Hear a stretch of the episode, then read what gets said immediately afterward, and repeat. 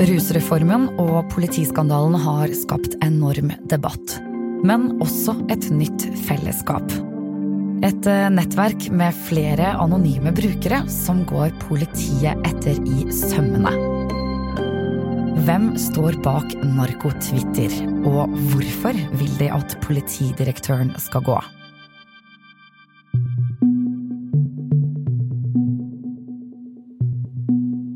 Debatten om rus og avkriminalisering har vart lenge.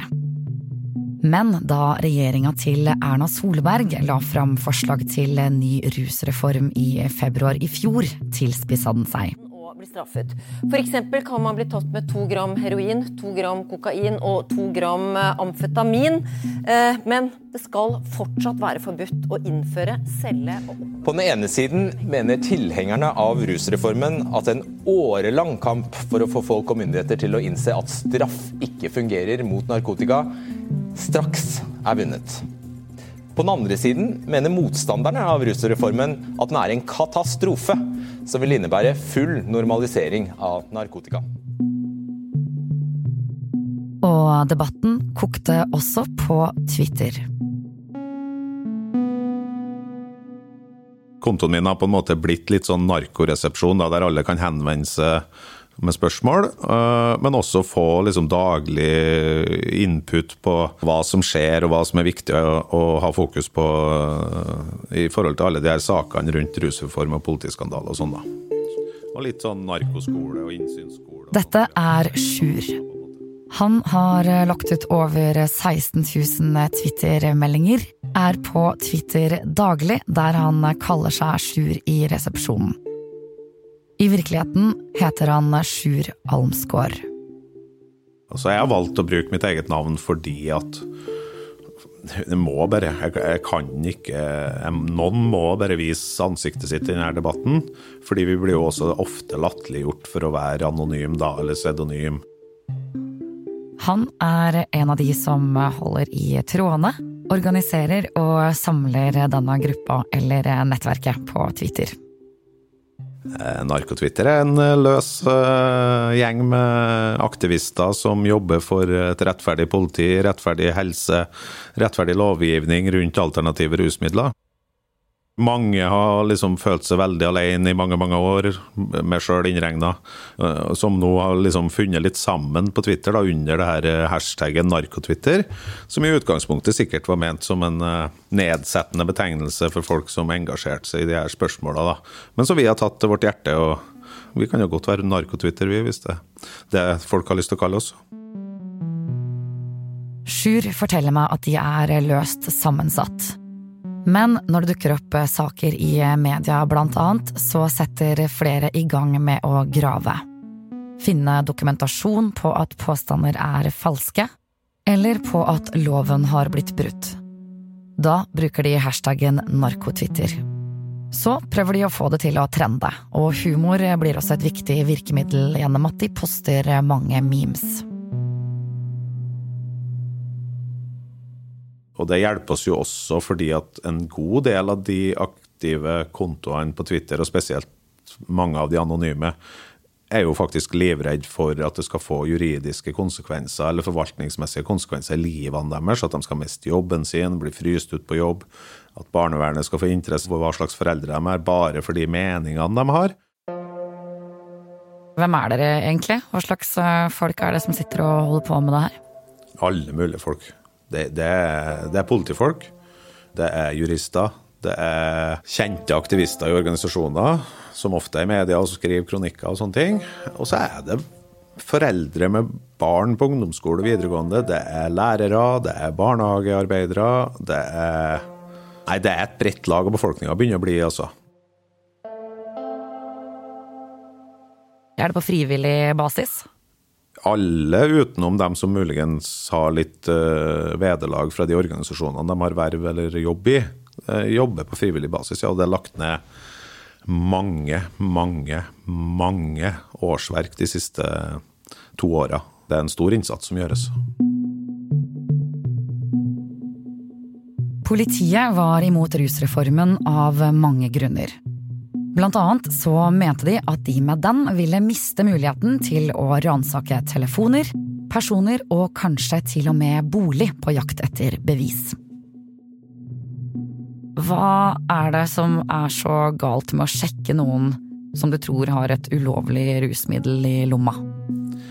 Eh, for å være litt vanskelig, så er det egentlig et uinteressant spørsmål, fordi Politiet må gjøre den vurderingen uansett hvilke lovbrudd. Om du mistenker en stjålet sykkel i lomma eller en, en, rusdose, så skal de samme vurderingene, de samme forholdsmessighetsvurderinger gjøres. Og hvis lovbruddet er ringe eller simpelt, så kan man sette i gang tunge tvangsmidler som er stor inngripen i menneskets integritet og privatliv. Omtrent en måned etter at regjeringa hadde lagt fram forslaget om den nye rusreformen, var det en høring om den i Stortingets helse- og omsorgskomité. Og her kommer vi på en måte til kjernen av det som skulle bli utgangspunktet for debatten som har rast i det siste. Vi er med rusreformutvalgets leder, men jeg tror nok at det har vært ransaka på denne måten i Norge i, i, alle år. Og jeg har ikke vært borti eh, noen gang at det ikke skulle være lov. Så har lyst til å bare hive inn For nå kom altså spørsmålet. Har det vært lov i alle år? Han du hørte prate her, heter Geir Evanger. Han er statsadvokat og nestleder i Norsk Narkotikapolitiforening. Sistnevnte er en frivillig organisasjon. De jobber for å styrke innsatsen mot narkotika, og var imot rusreformen. De mente blant annet at konsekvensene kunne bli flere rusavhengige, og at kriminelle ville få større spillerom. Foreningen er ikke en del av politiet, men medlemmene kommer fra politiet, påtalemyndigheten, kriminalomsorgen og Forsvaret, blant annet. Rett etter at Evanger har snakka ferdig, er det riksadvokaten Jørn Maurud sin tur. Og han har en litt annen oppfatning. Tvangsmiddelet skal stå i forhold til det lovbrudd man søker å forfølge. Og For andre så forutsetter tvangsmiddelbruken eh, at man forfølger et etterforskningsmål som er relevant ut fra mistanken i saken. Så dersom en person bare er mistenkt for bruk av narkotika, så vil det også i dag være ulovlig å gjennomgå mobiltelefonen hans for å finne, kanskje finne bevis for narkotikasalg eller eventuelle andre tilfeldig mulige lovbrudd. En slik gjennomgang og hvordan eh, reagerer dere på uenigheten eh, mellom disse to? nei, altså vi, vi, er jo selvfølgelig på riksadvokatsporet. Det har vel gått over i en slags latterliggjøring av Evanger. da, Det er jo laga hundrevis av memes. Eh, for han framstår jo egentlig som en klovn, vil jeg påstå nå i ettertid. da. Etter dette sier Riksadvokaten at det er behov for en klargjøring. Hva er greit, og hva er ikke greit?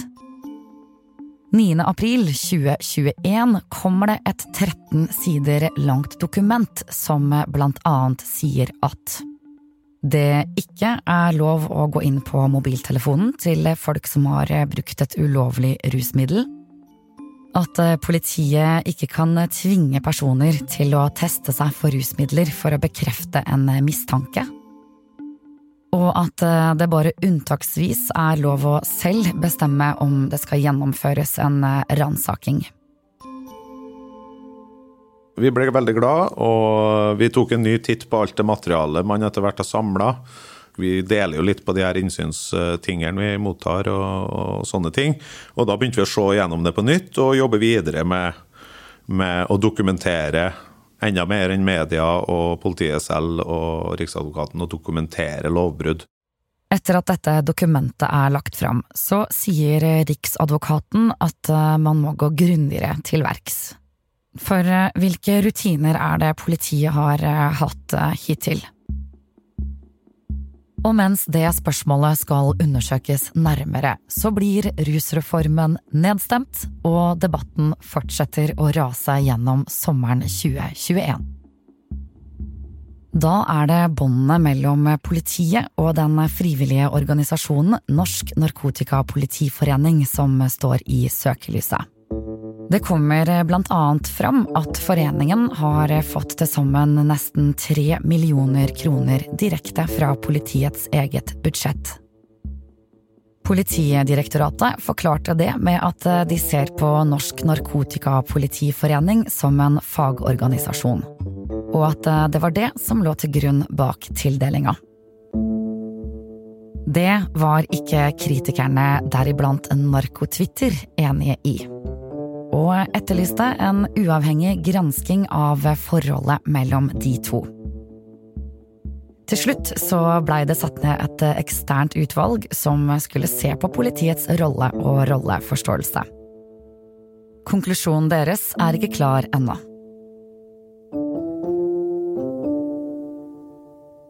Hvilken påvirkning eh, har dere egentlig, tror du, på det som eh, foregår? Vanskelig å si noe om, egentlig. Men eh, nå har vi jo et sånt granskningsutvalg som driver og jobber. Eh, med denne rolleblanding mellom NNPF og politiet. Og der er det jo flere som har meldt tilbake ut på Twitteren at de har vært og snakka med dette utvalget og presentert en del av sitt materiale og, og det arbeidet de har gjort. da.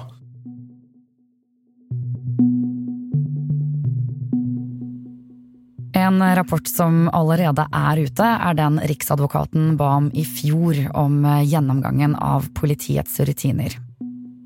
I alt er 925 saker gjennomgått, og rapporten peker på store avvik. Den viser blant annet at én av fire mobilransakinger var ulovlige, og at det i mer enn én av ti saker ble tatt urinprøver ulovlig. I en sak blei eksempel en person observert med rullepapir på et offentlig sted hvor det har vært klager om narkotikabruk, ransaka.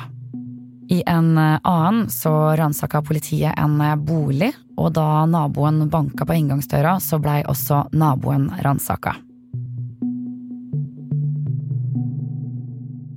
Så jeg er imponert over at de faktisk tør tørs å, å svare ærlig, som det virker som de har gjort i en stor grad. Politiet må akseptere at nå starter det et ny tid. Eh, de vil bli kontrollert bedre, de vil eh, være nødt til å ta mer kvalitetssikra avgjørelser, som igjen vil garantert gjøre at eh, det blir mindre misbruk av, av tvangsmidler og, og bedre hjemling av de tvangsmidlene som skal brukes. For ikke så lenge siden begynte flere av de som er en del av Narkotwitter å bytte navnene sine. Eller legge til politidirektørens etternavn bak sitt eget. Bjørnland må gå, sto det bak flere brukernavn. Det finnes en person som har ansvar her, og det er jo Bjørnland eh, under justisministeren. Politidirektør Benedikte Bjørnland kom med et svar til rapporten da den kom. Da sa hun blant annet at det alltid ville kunne oppstå uheldige enkelthendelser.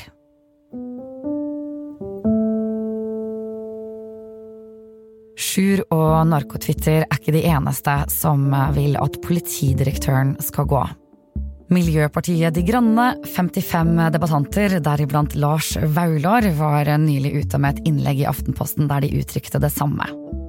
Og her i Bergens Tidende krevde vår egen kommentator Anne Rokkan politidirektørens avgang. I svaret til BT beklaga politiet overfor dem som har blitt utsatt for feil. Bjørn Vanvik, som er avdelingsdirektør i Politidirektoratet, skrev at de tar funnene på største alvor, og at de umiddelbart iverksatte tiltak da Riksadvokaten sendte ut klargjøringa 9. april i fjor. Videre skriver han at Politidirektoratet ser fram til rapporten som kommer om deres forhold til Norsk Narkotikapolitiforening og at vi skal gjøre vårt ytterste for å belyse saken og sørge for at politiet endrer eventuell uheldig praksis.